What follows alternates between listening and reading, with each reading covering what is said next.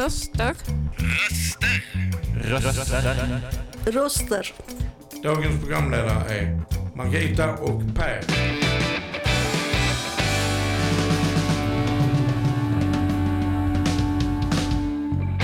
Dina röster i vardagen. Tack och hej och välkomna till Fontänbubbel. Vi sänder idag från Lunds fontänhus. Eh, och här står jag, Per, tillsammans med Margita. Ja, här står jag. Hur är det med dig? Det är bra. Det är ett spännande ämne. Ja, vad, är, vilket, är- vad är det för ämne? Ja, vi har ju klurat runt här i veckan och eh, vi ville titta lite på hur ser vi på döden idag. Precis, döden är ju stort, såklart. Och döden idag, vad tänker vi då? då?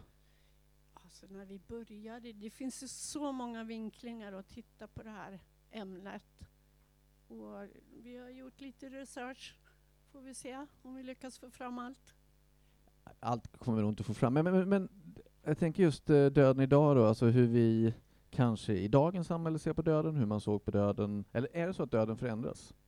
Eller kanske döden inte förändras, utan att vi förändras och hur vi ser på döden. Men, och det föranleder ju mig lite, Margita, vi pratade lite innan, så här, va, vad har du för förhållningssätt till döden i stort? Liksom? Alltså jag, tycker om att prata om det. Mm. Eh, Men det är också väldigt spännande. Lite rädsla finns det och eh, det är också tycker jag att man får vara lite försiktig. Alltså man vet ju aldrig vilka tillstånd människor är. De kanske just har förlorat någon och så är man lite för glad. Eller, alltså det, det är ett litet känsligt ämne men jättespännande. Mm. Absolut, och det ska vi utforska lite grann idag då, kan man säga. Eh, ska vi, eh, men det, det vi gör det om ett litet tag då, så vi kommer tillbaks inom kort. Ja,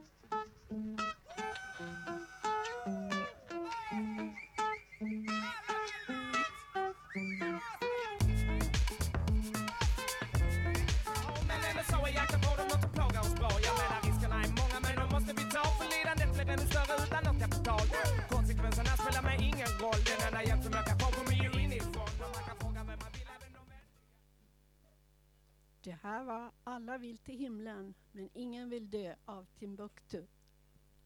Nej precis, ingen vill dö. Men, och det kanske vi ska prata lite om sen. Är det så att ingen vill dö? Jag, eh, med tanke på den tid vi lever i och, och, och att vi kanske snart kan förlänga våra sinnen och mentala tillstånd digitalt. Men vi ska komma tillbaks till det. Men jag fastnade lite, Margita, när jag frågade dig förut här hur eh, ditt för- förhållningssätt eller förhållande till döden. Och då sa du att jag tycker det är, eh, det är ju väldigt kul att prata om. Mm. Va, vad är det som är så kul att prata om döden?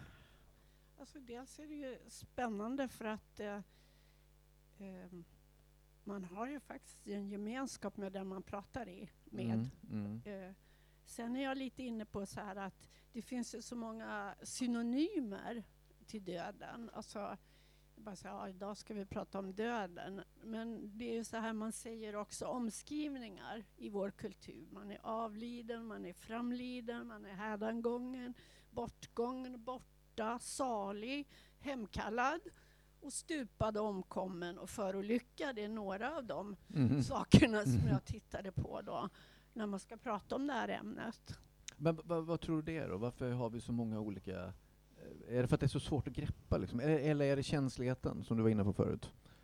Det kan vara känsligheter, sen ligger det säkert i kulturen också. Hur har man beskrivit döden? Vad har Mm. man för bild av det? Mm.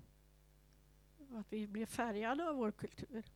Och du har ju läst en bok egentligen om just det, om, om eh, döden genom eh, historien. Mm.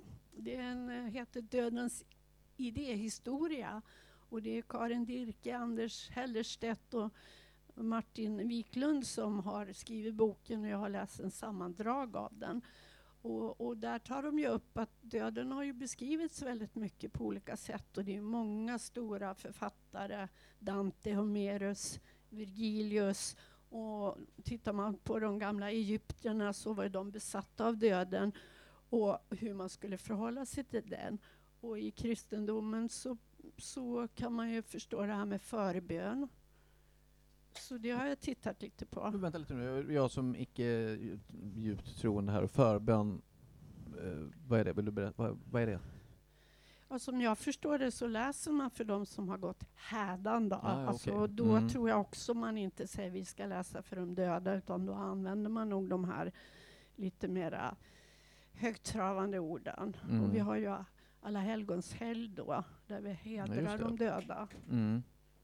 Ja, det fick vi höra idag till exempel när vi hade, vi mötte här förut idag en representant från, eh, från kyrkan som, som just pratade om att egentligen är ju påsken är ju den stora högtiden i, i, kring död och återuppståndelse och allting i, i, i, inom kyrkan, men att alla helgon har tagit över det mer Ja. och mer.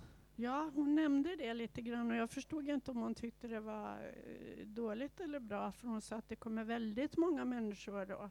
Eh, och det är så vackert och fint på kyrkogården och vi, jag vet inte var de drack kaffe någonstans men de kanske hade församlingshuset öppet. Eh, och sen så kontrar man det med ja men det kommer inte lika många till påsken. Mm. Sen var det en som kom och sa, men min dotter hon firar halloween, halloween. Mm. och det tycker hon är årets största årstid, Mm. eller högtid. Jo men precis, och det, och det är väl lite när, det blir ju som den eh, kommersiella förbannelsen liksom, att när kyrkan, ja det är ju, det är inte vår högtid längre, det är inte, det är inte påsken, men det är ju skitbra att det kommer mycket folk. Eh, och någonstans förhåller vi oss ju idag ganska mycket, jag menar det här är ju, halloween är en kommersiell högtid. Eh, och, och film, som du var inne på, vi pratade om olika bilder av döden, alltså det är ju en kommersiell figur också. Jag tänker man gör, det görs filmer, det skrivs böcker, Mm. Eh, och, och döden är närvarande för oss genom fiktionen. Eh, på, eller rätt sagt, vi kanske speglar döden genom fiktionen. Eh, för jag tänkte lite på det när du sa det här med eh, eh, hur, hur egyptierna var besatta av döden om man tittar på det. Men är det bara, är alla, är alla livrädda för döden? Är vi det? Är vi, är vi livrädda för döden genom? Vem fanken vill det? Alla vill till himlen ju, men ingen vill Ja, dö. det har ju han svarat på där, Ja, att okej, alla vi- vill till himlen men ingen vill döda. Så Mm. att, alltså jag kan ju inte svara på den frågan. Varför inte då? Jag har ju bara min in individuella kulturpräglade kanske- förhållande till Absolut. Jag döden. tänker, men jag tänker kanske inte i, i... Vem skulle vara expert på döden? Det kan man ju inte vara. Man kan ju bara förhålla sig till döden som någonting vi faktiskt inte vet någonting om. Ja. Men när du säger så där så har ju också döden framställts som liemannen, ett Mm. skelett då med en, en lie. Eh, och livet framställs som en kärleksgudinna, så på något sätt hänger de ihop. Och Mm. det kan man ju inte egentligen bara, och det är kanske därför jag också tycker det är så roligt att prata om den, för att eh, död och liv hänger ihop på något sätt. Mm. Jo, absolut. Det, det förutsätter ju varandra. Eh, så är det ju. Och nu tänkte jag någon tanke där, men den försvann ju såklart med liemannen. Eh, vad tusan var det jag kom att tänka på där när du pratade om det? Eh, äh, ska, vi, ska vi kanske ta en låt och så får, kan vi kan få jag låta mig fundera lite på den tanken? Vad tror du om det, Margareta? Ja, det låter bra. Ja, och det gör vi. Mm.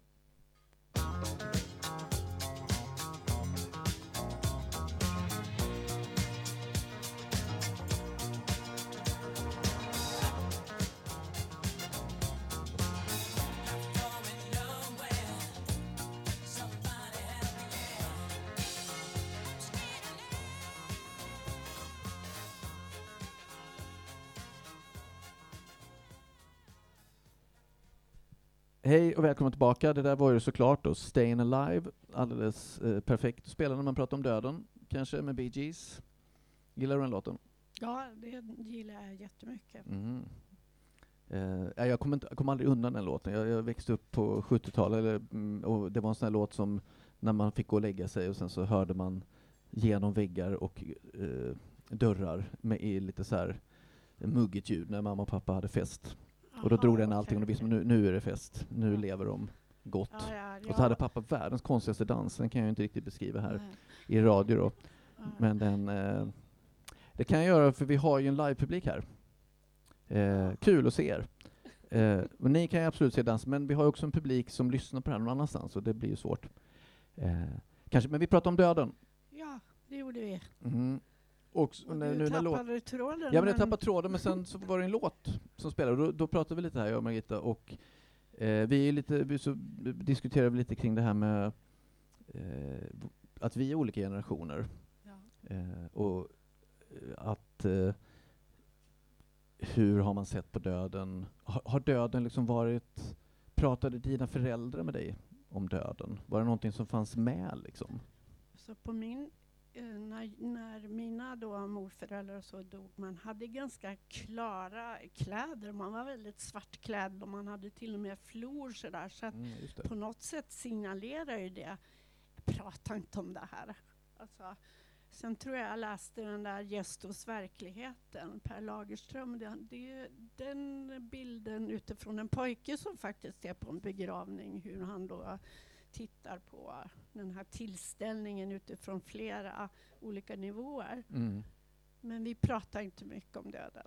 Var det någonting som, för du har ju barn också, Ja. hur, hur liksom, har det var någon, fortsatte det sen? Pratade du inte med, eller hur, hur var det förhållningssättet då, mellan dig och dina barn kring? Nej, men sen, Död. eh, om du säger så här att man förändras över generationer. och Jag måste ju ta ett poäng på det här att vi, du och jag är olika generationer. När du låg och sov så var jag på konsert med Bee Gees. Absolut. ja. Men tänkte, Var det bra? Var det bra alltså, live? Jag vet inte om det var Staying Alive, men det måste ha varit det. Men jag har nog förträngt det. Man hade ju så mycket tillgång när man var ung till massor med saker som man Mm. liksom bara sög in sig. Mm. Men jag tänker så här att um, det skulle jag ju vilja be, liksom berätta. Eh, dels när jag fick barn så började jag köra försiktigare. Mm.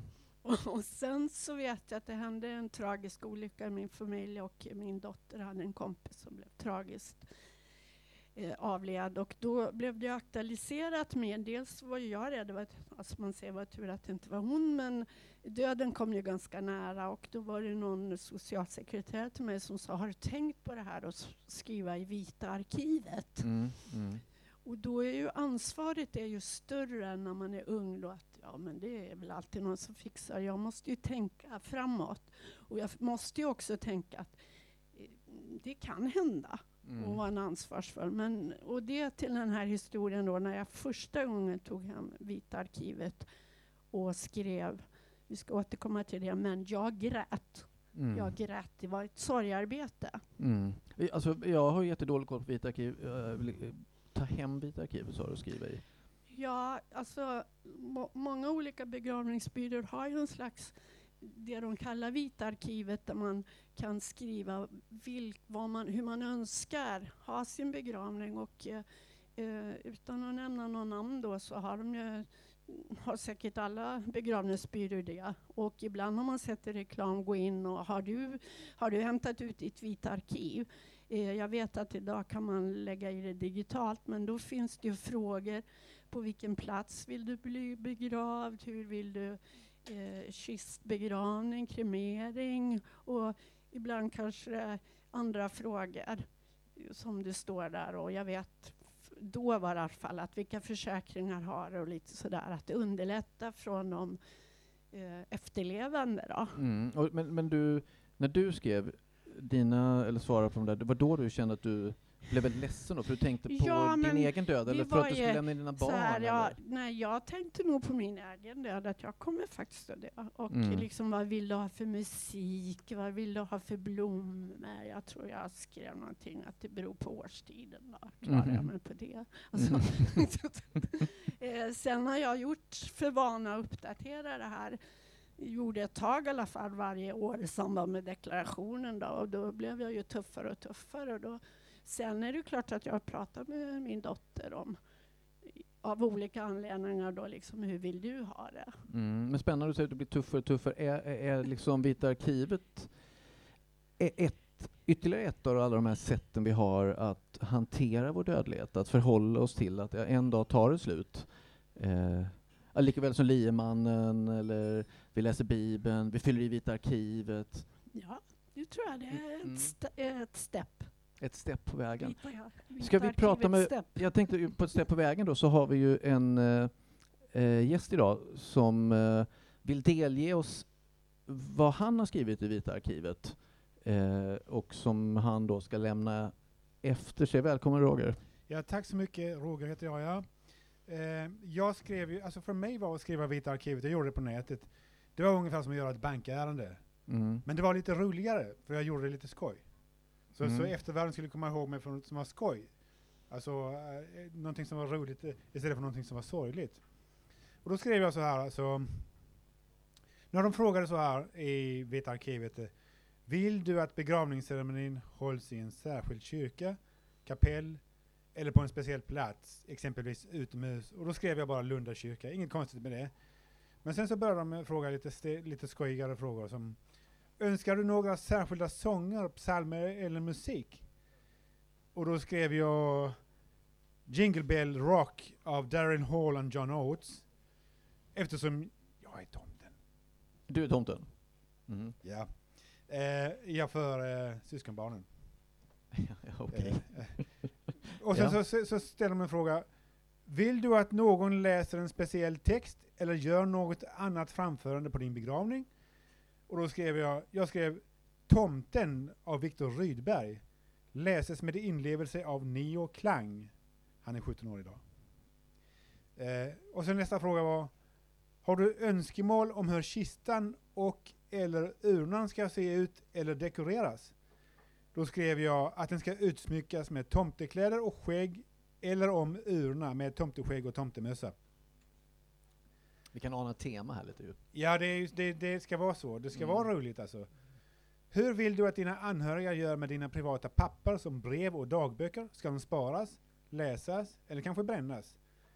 Och då skrev jag, ska läsas och studeras noga.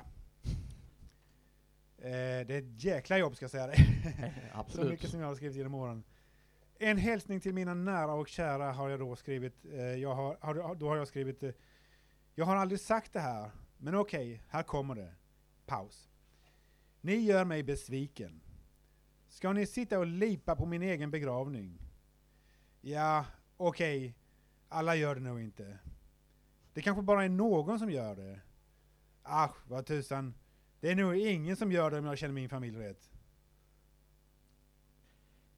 Ja, jag, jag vet inte om jag ska applådera det här eller inte, men du, eh, spännande att ta del av, av eh, för det är ju egentligen något, som vi har pratat om, ganska personligt egentligen, att skriva om sin död, eller vad man ska lämna efter sig. Jo, det, men det var för mig som att skriva, det var, det var som att göra ett bankärende. Det var inte mer än så för mig alltså. Det var, inte, det var inga tankar på döden eller min egen bortgång och så liksom, eller någon sorgligheter, utan det var som att göra ett bankärende. Enkelt uttryckt. Jo, men att göra det är en sak, men det är detta du lämnar efter dig. Det är det jag lämnar efter mig och det är det jag vill lämna efter mig. Jag Mm. tänkte igenom det noga när jag skrev det, så tänkte jag ju noga och jag ville ha en viss komik i min i eftermälet och så. Så att eh, jag sticker ut på ett sätt också, för jag sticker ut i verkliga livet också. Mhm. Och då vill jag gärna sticka ut i döden också. Precis som eh, den här eh, gravstenen av, eh, eh, som på, i Ravlunda kyrka. Eh, här vilar en man som hade för vana att skjuta upp allt till morgondagen. Men han, dock bättrade han sig på sitt yttersta och dog verkligen mm, 3 januari 1972 eller vad det var. Eh, Mm. eh, Det var ju, vad heter han, eh, Fritiof. Fritiof Nilsson, piraten, som skrev det. Mm. Och det var ju, det var ju så skoj, som han skojar med, med sina efterlevande och eftervärlden. Och det, det, det lever ju kvar än idag. Hans gravsten sticker ut bland alla gravstenar i hela Skåne. Men okej, men så det finns ändå ett, ett drag av att du vill sticka ut här? Ja, absolut. Mm. Jag sticker ut ju. I livet ska jag inte sticka ut i döden. Men är det, vi pratade lite innan här Margita om, om eh, känslighet kring döden och förhållningssätt. Är, är, är det här ett försvar? Nej, eh, inte vad jag vet. Eh, då är det undermedvetet och det kan jag inte, det kan jag inte svara för. Men jag tror inte det, för att det, det är så, det är så eh, lättsamt på något sätt. Det är lite skoj jag hade några timmar vid datorn. Ja, liksom. jo, absolut. Det, det förstår vi att du hade. Men jag bara, går det liksom att greppa döden? Alltså så här, man kan ju skriva det, men, men finns det en, en verklig koppling till döden? Du pratade ju förut Margit om att skriva de här grejerna i Vita arkivet är ytterligare ett sätt att förbereda sig eller hantera ett, vad, vad kallar du det, ett stepp? Ja, jag tycker det. Och Det är ju ett litet ansvar man har. Och om vi då ska ta liksom när man blir lite mognare och äldre så kommer ju också på något sätt vördnaden för de efterlevande. Kan jag underlätta någonting? Mm. Eh, och sen har väl, jag vet inte hur länge Vita arkivet har funnits då, och det är ju inte juridiskt bindande eller så. Nej. Så att jag vet inte, men det kan ju också ha kommit i samhället, liksom, har du gjort ditt Vita arkiv? Nej, det blir en Så det grej. är kanske därför Mm. nu, klart det här aktualiserades just eftersom vi hade ett dödsfall i, i vår närhet som gjorde att jag tog tag i det då. Annars kanske jag inte hade tänkt så. Men det är klart, det är ju mer saker som har hänt. Men du har inte skrivit att du vill vara tomtemor? Och minnas som det kanske är? Nej, jag är, är väl kanske inte tomtemor. Nej, precis. Ja, men det är ju spännande. Men eh, jag får kanske kolla på det här med Vita arkivet också då.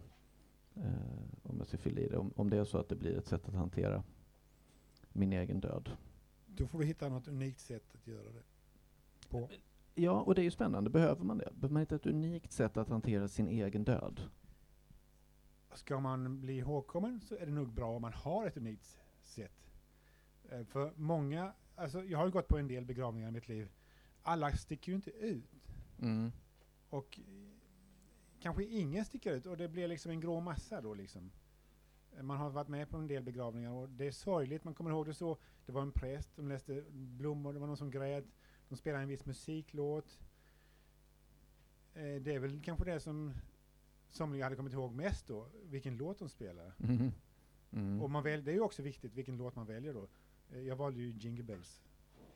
Ah, Jingle Bell Rock va? Jingle Bell Men- Rock, ja. mm. ja just det. Så, så heter den. Mm, men det är nog Jag tänker just på det här att man-. Förlåt, vad skulle du säga Margit? Nej, det, jag tänkte, det här är ju lite den prakt, praktiska delen när våra kroppar dör och det finns olika religioner och olika samfund som gör det här på olika sätt. Så att, eh, men jag tänkte vidare då om hur ser vi på döden idag berörde vi oss på och då tog vi också upp att eh, det här med att man gärna vill försöka få kontakt med de döda och vi frågar oss själva, har det ökat idag? Mm det så kallade ockulta och att det verkar också vara väldigt mycket intressant. Och ofta om man pratar om döden så kommer ju många och berättar ja men jag kan känna så här och Mm. de är lite spiritualister allihopa ibland. Ja men det är spännande. Ska vi gå in på det lite Mm, mer efter låten? Men har du, tror, kommer, du, det liksom, kommer någon prata med tomten då?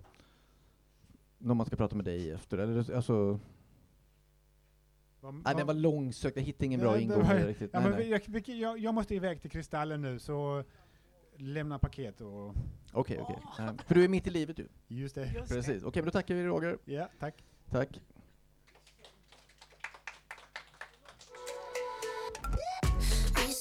Are you serious? I try, but I can't figure out.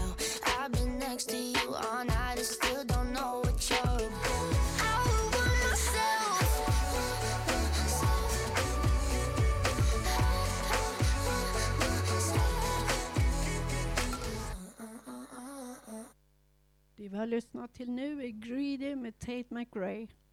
Och vi pratade precis här lite om eh, eh, eller vi pratar om döden idag och du pratade lite Margita om det där med det sekulariserade samhället och, och den lite underliga utvecklingen som vi pratade om här i veckan kring att det, eh, statistiken visar att människor idag har en större lust att prata med döda. Ja, och det tycker jag också man tog upp i den här boken då, om den här om dödens idé, historia, att eh, i, när samhället sekulariserats och eh, religionen förlorar lite sin makt över tradition och kultur så kan ockultismen träda fram mer. Och det var väl lite så vi undrade då.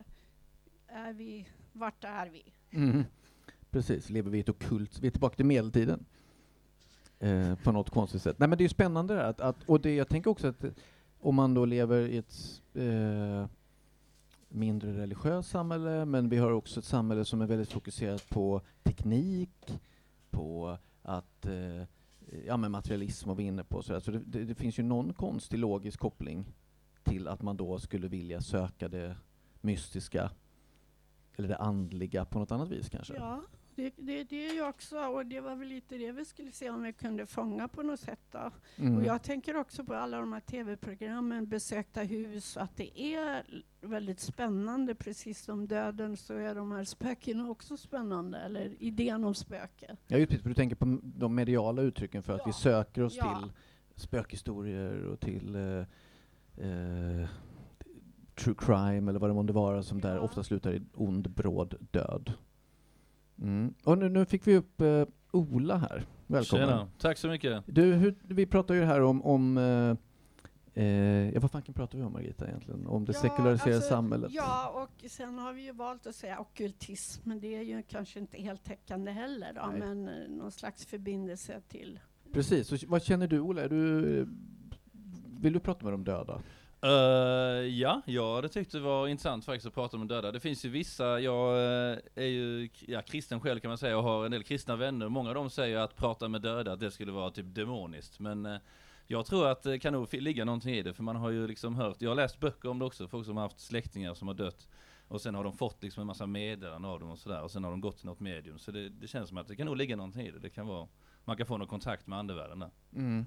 Men vi pratar, eh, och, intressant då, för du menar då att om du har kristna vänner att de menar att det i, inom kristendom, så det ligger ju någonting i det du säger där, och, eller boken säger att religionen håller det ockulta i schack. Ja, sätt då, liksom. Jo men så är det exakt, det kan nog vara, nu är det lite mer fritt där men sen kan det bli att det kanske det kan ju också liksom balla ur lite då att om det inte kontrollerar andligheten överhuvudtaget så blir det kanske att vissa dras åt de här mer mörka hållen, för det finns väl också. Men Mm. eh, jag tror inte att det är så snävt som de säger liksom. Mm.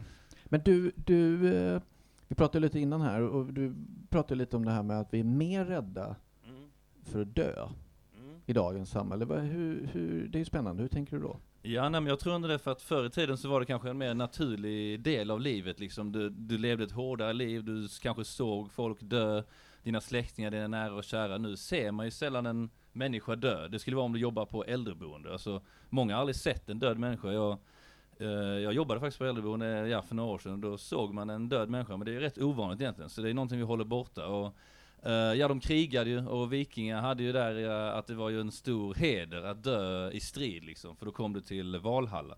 Det var någonting man eftersträvade, och det har vi inte riktigt idag. Nu vill vi ju skjuta fram det så mycket som möjligt. Men Var inte det också bara ett försvar?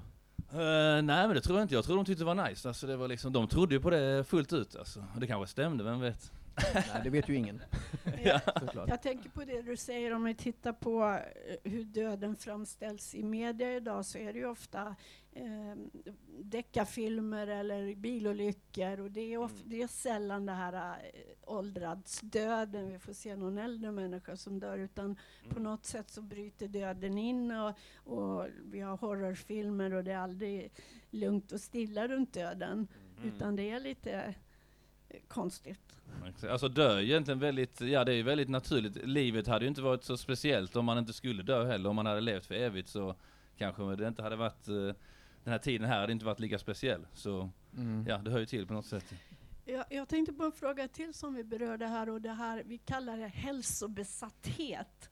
Alltså att man tränar och fit for light hela tiden om man är ung. Och att, är det ett sätt att skjuta bort döden då? Eller vad skulle du... Jag tror lite ändå, för, för förr var det mer liksom att man var ung, man hade sina glansdagar där fram till 20-30 liksom, och sen så blev man gammal och skröplig liksom, och sen, sen dog man liksom, och så hade du kanske en farmor och farfar som såg ut att vara riktigt gammal liksom, du vet, det, det hörde till. Men ja, nu vill man ju vara ung för evigt liksom, man vill vara vältränad och Gamla människor ska inte finnas liksom, de eh, knuffar man bort liksom och ja, man ska, vi vill helst inte tänka på det tror jag. Så det kan nog vara lite som du säger, att vi försöker fly från faktumet att vi ska dö. Ja, nej, det är ju en ungdomskult eh, i samhället. Definitivt ju. Och det är klart att döden kan ju inte vara med Eh, då. Nej. Liksom. Vi, ha, vi hade tidigare en, en em, fråga, är döden närmare oss idag än tidigare? Och det är ju lite svårt då. Dels har du ju massmedia där, eller tv och så, där är ju döden varenda dag. Alltså, samtidigt i samhället, om vi bara ser unga människor och, och man dör på sjukhus, så den är både nära och långt ifrån. Mm. Ja, det är intressant. ska Det är, försöka. Absolut. Den, den vi, det kan man väl tänka att förr i tiden hade vi inte samma mediala eh, kvantitet liksom, där, där vi liksom kunde vältra oss i död och olycka på det sätt vi gör. Utan då, men, men vi lägger det där. Ja. Mm, Nu är det kanske mer en avlägsen död, liksom folk dör i, ja, Gaza som exempel nu då, men, Mm. men du har inte den här att dina släktingar dör, utan ja, förr var det kanske Mm. tvärtom då ju. Ja, men alltså våra släktingar dör ju också, men där tänkte jag då så här att när min mamma eh, dog och man hade liksom förrättat begravning och te- alltså jag kände mig väldigt ensam i min sorg och det var liksom samhället trampade bara på som om ingenting har hänt. Så det är klart att för alla Mm. sörjande så kanske man skjuter undan och sen när man då ska använda vilket ord ska man beklaga sorgen med och vi Mm. ska inte prata om döden. Att, Mm. att det känns ju, det var ju liksom en sån här, hur ska jag tackla det här materialistiska samhället? Jag blev både arg och ledsen på det. Ja. Jag fick jaga folk för att försöka få prata om. Ja men så är det, ja, i och med att folk vill låtsas som att eh, det inte finns liksom. Ja. Men jag tänkte på en sak också, för då, min gudmor dog för inte så länge sedan och så hade hon eh, begravning och var borta på Thomas kapell. Det var väldigt fint sådär, folk pratade. Men jag tänkte liksom att det är det man får i livet, du lever, sen påverkar lite människor, sen får du din begravning där, då har du din stund, det är liksom två, Ja. tre timmar, folk tänker på det, men sen, sen är det Mm. borta, sen är det ingen som Alltså antagligen, för de flesta i alla fall, om du inte är väldigt känd eller så. Mm. Men sen är du mer eller mindre borta från folks eh, minnen och det är sällan någon tänker på det igen. Och vad, vad, vad, vad, vad, händer i dig då? När du Ja men jag tänkte att liksom egentligen vill man ju kanske åstadkomma någonting i livet som man känner liksom, alltså som kanske lever vidare efter. Jag vet inte, Roger sa ju det med, det var Mm. rätt bra idé det med gravstenen egentligen, att du gör någonting roligt med din begravning. För annars de flesta människor, man bara lever och sen så, ja sen är man död och gjorde man verkligen, lite avtryck gjorde man kanske, men man vill ju kanske göra någonting eh, som påverkar sen, ja, i framtiden också. Mm, mm. Ja, det, det med... Men det hör ju också ungdomen till, tänker jag, avtrycksidén, eller? Att man Mm. tänker att gud, jag måste ju eh, lämna någonting här. Jag vet inte om det, om det förändras genom livet kanske, jag, jag har ingen aning. Mm. Jag vet inte. Men, det- men det där kan ju vara svin- det kan jag tänka också precis det svindlande att man, om man liksom tittar ur ett makroperspektiv. Så här lever jag, tre generationer från nu, fyra generationer från nu, då har jag inte funnits. Exakt. Alltså, på något konstigt vis. Att det, är en, Men jag kan ju eh, trösta dig, släktforskning är jättepopulärt. Jo, men de vet ju inte att jag stod här idag och gjorde detta med dig, Ja, Margita. men det vet vi aldrig, med digitala världen Ah, har vi just satt det. våra spår. Pre- Och jag tänker vi ska kanske prata lite... Nej, det gör jag inte. Men vi kanske kan prata om eh, eh, lite det här du var inne på, sorg, och eh, Mm. den digitala verklighet vi lever i, där vi Mm. Tror oss kunna förlänga livet kanske. På något sätt. Ska vi ta en låt och komma tillbaka? Tack, Ola. Mm, tack så mycket. Ha det bra.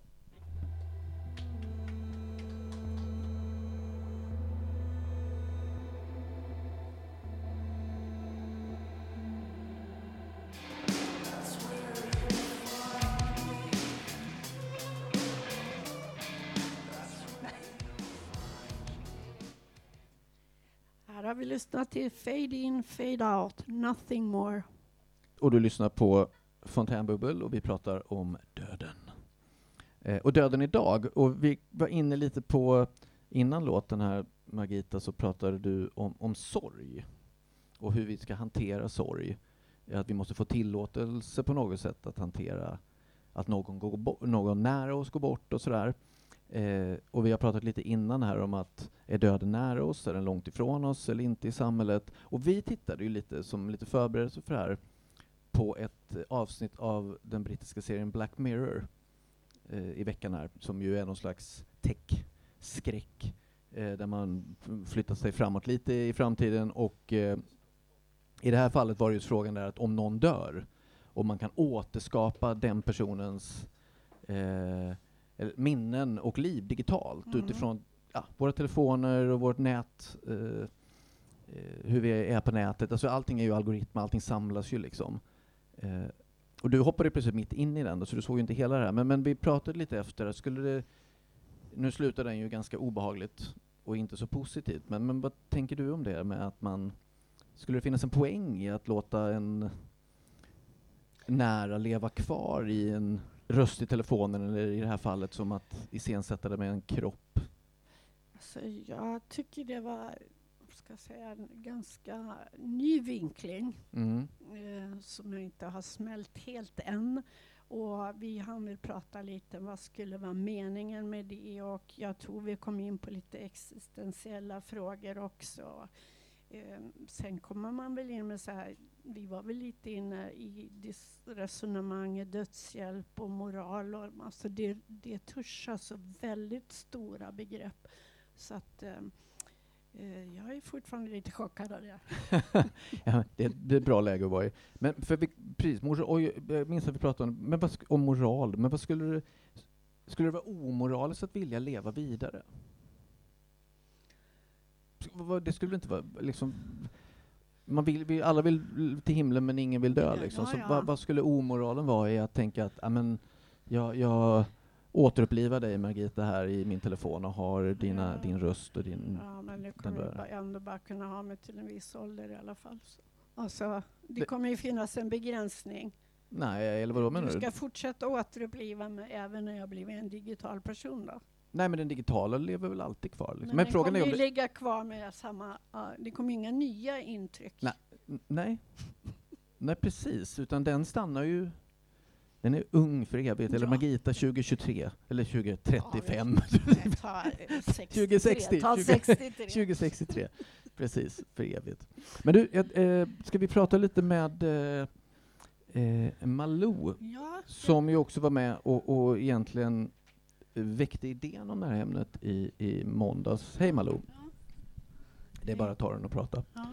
Hej. Hej, du, eh, kan du tänka dig att, att eh, leva vidare? Och om, du, om det gick liksom så här digitalt till exempel, ladda upp din hjärna någonstans. Men grejen är, då vet man inte alls vad de kommer göra med en. Det kan ju bli väldigt plågsamt kanske. ja. Så nej, jag tror inte det. Men är det det som är anledningen, att man inte vet vad någon ska göra med den? Ja, för mig är det nog det. Mm. Kan vi be dig hålla micken lite närmare munnen? Tack. Ja. Eh, men du känner inte personligen att, att du skulle vilja leva vidare, liksom, om du bortser från vad andra skulle göra med dig eller sådär? Ibland kan man ju tänka det, för det finns en nyfikenhet. Vad kommer hända i framtiden? Någonstans så är det ju lite snopet att inte få vara med. Allting som påbörjas som man inte får veta slutet på. Eller så. Men jag tror ändå att jag föredrar att dö. I sinom tid, långt fram. Någon gång. Någon gång, precis. Och, vi, och det var ju lite också det vi pratade om här innan med dig, just det här med avstånd till döden. Mm. Mm. till exempel. Att, att det, det vill man gärna ha ganska långt bort. Men du var lite inne också på att, att det här med eh, vårt avstånd till döden i samhället på något sätt. Ja, vi har ju inte samma närhet till döden idag. Förr så var det ju ofta så, eller kunde det vara så, att man, man la sin döda farmor eller sin döda farfar i ett uthus och där fick de ligga tills det var dags för begravning långt senare när, när det blev lite varmare och folk hade möjlighet att komma till begravning och sånt. Och man gick ut och in i det här huset där den, den döde låg. Och barnadödligheten var ju jättestor. Så döden var väl ständigt närvarande på något sätt. Det är det ju inte så mycket idag. Idag är ju folk bara försvinner. Vad är han? Vad är hon? Ja, de Mm. är döda, men det blir inte mer på Mm. något sätt. Det är inte så Mm. påtagligt. Samtidigt så tror jag att det är bra många gånger att tänka på döden och vara medveten om att döden finns här i, bakom oss någonstans. Så att det inte är självklart att vi lever imorgon eller om en vecka eller om, om ett halvår. För då måste vi göra det bästa av det som är nu. Att vi får försöka leva i nuet och inte skjuta upp så mycket. mycket. Mm. Att vi kanske ska undvika att vara osams med människor och, och, och hålla konflikter vid liv och olika sådana saker. Utan imorgon kanske vi inte är här. Mm. Och det kanske är bra att tänka på ibland. Ja, att det Eller de här människorna som vi kanske går och, och är arga över, de kanske inte är här. mm. Det kanske inte var så mycket att vara arg över, till exempel. Jag tittar på en av anteckningarna. Vad menar vi med att livet förutsätter döden? Och det är väl lite det som du är inne på, att vara ödmjuk inför livet. Ja, Kan det vara så Ja, ja. att jag har uppfattat det? Också jätteroligt att man tänker att vi pratar om fiktion och det som du pratar om att man har sin döda i, i uthuset, det, är ju, det har vi flyttat över, det är ju en skräckfilm idag på något sätt ju. ja, Så men jag tror inte det var ruskigt på det sättet. Nej, jag tror inte det var otäckt när man hade dem där. Mm. Man sa det på ett annat sätt. Mm. Har, har vi varit med och skapat lite rädsla för döden då i vår kultur som inte fanns förut? Om man tar kanske 150 år tillbaka, om vi bara håller oss här då. Allting främmande blir ju skrämmande. Och eftersom vi inte har det in på oss så blir det ju mer skrämmande tror jag. Man går på begravningen och sen hej då Ja. och sen är det inte mer. Ja. Och sen ska man gå vidare. En del går Ja. från begravningen och åker direkt tillbaks till jobbet Ja, ja, och in i vardagen igen. ja, det var ju lite den tomheten jag upplevde helt plötsligt då efter min mamma. Att det var ju liksom, det fanns inte plats för sorg eller besök utan det var bara kör på. Mm. Nej, och jag tror att då Eh. blir det kusligt och skrämmande. Mm. Mm, intressant. Tack Malou. Eh, jag kan ta den där. Tack. Och sen tror jag det var så att... Eh, Okej, vi kör en låt och sen har vi ytterligare en person som vi ska prata lite med här. Så vi syns snart.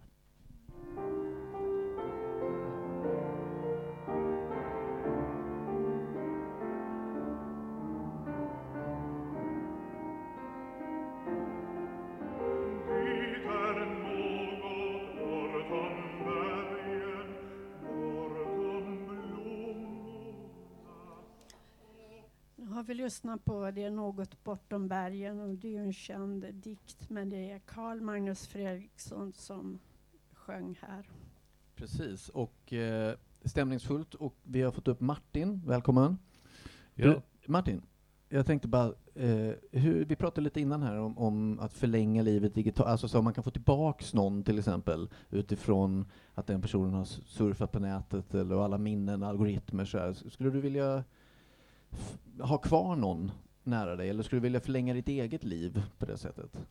jo men jag hade kunnat tänka mig att ha mig själv som en, eh, som, som en ro- robot eller en rörlig bild på en skärm. Det skulle jag kunna tänka mig. För det skulle man nog kunna lägga in liksom så att man ser lite av den personens personlighet. Man kan prata med den och så, sen han gör grejer. Men kommer du finnas kvar eller bara en digital bild av dig?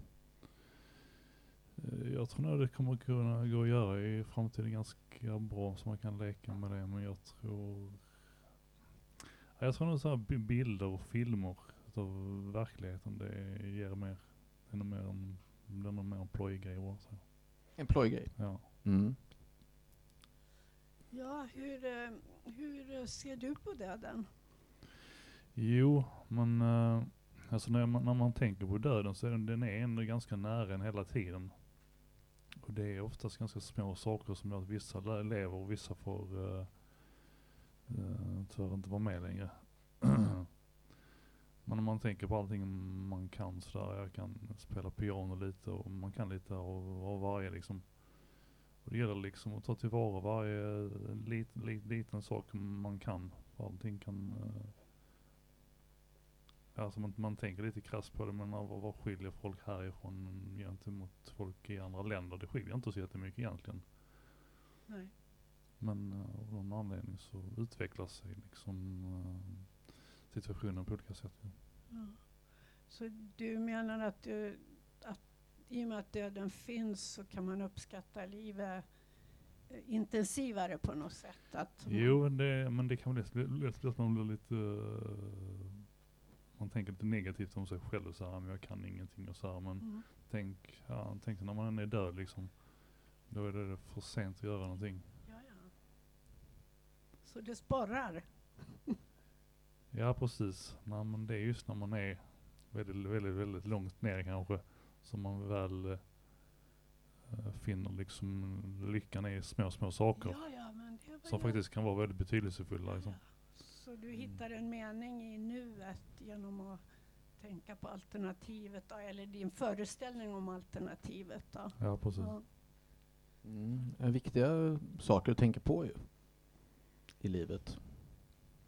Men du Martin, tack så hemskt mycket. Vi har en eh, person till som vi ska hinna klämma in här innan, innan eh, vi måste avsluta snart ju. Mm. Eh, och eh, då kommer Johanna här som eh, plötsligt kastades in och du tänkte någonting när Malou var uppe och pratade, va? var det så? Ja, precis. Jag tänker ju på det att eh, vi har nog blivit lite girigare på livet i och med att vi lever längre. Och eh, eh, då blir vi också nyfiknare och vill vara kvar längre.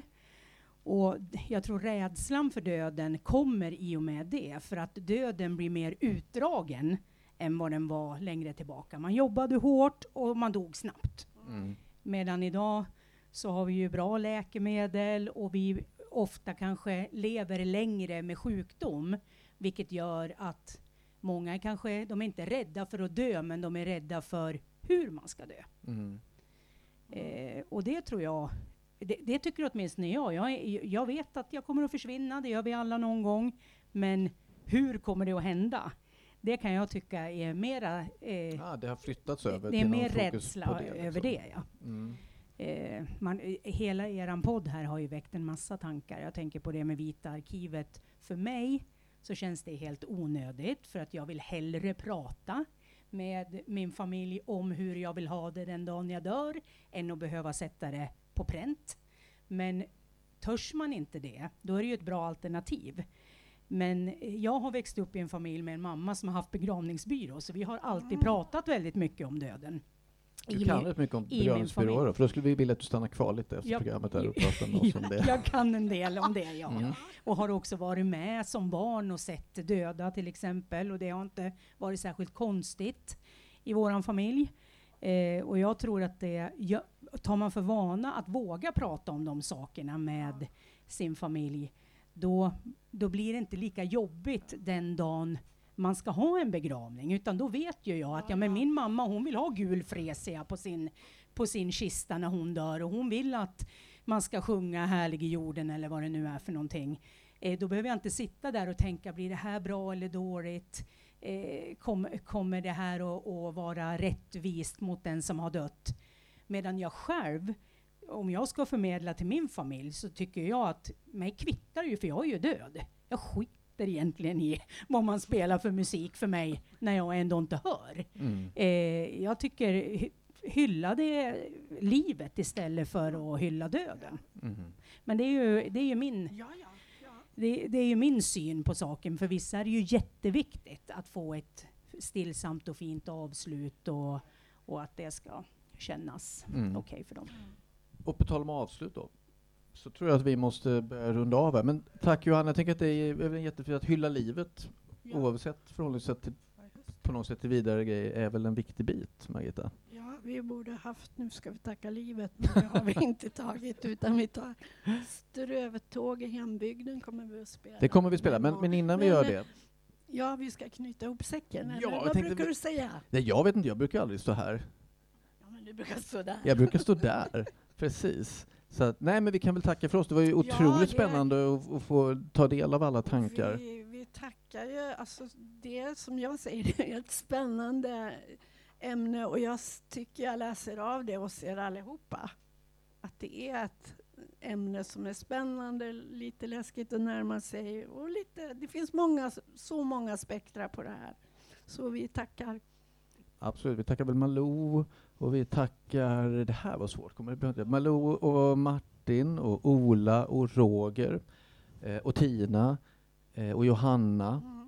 Och jag tackar dig Margita för att jag, Jag fick vara med tackar och prata med dig idag. Det var jättespännande och jätteroligt. Det var kul med död. Vad var det du sa? Det var kul att prata om döden. Inledde vi Jag sa programmet. säkert det är spännande, kul eller det. Mm. Mm. Men du hade helt rätt, det var jättespännande. Mm. Så tack för oss. Mm, Hej då! thank you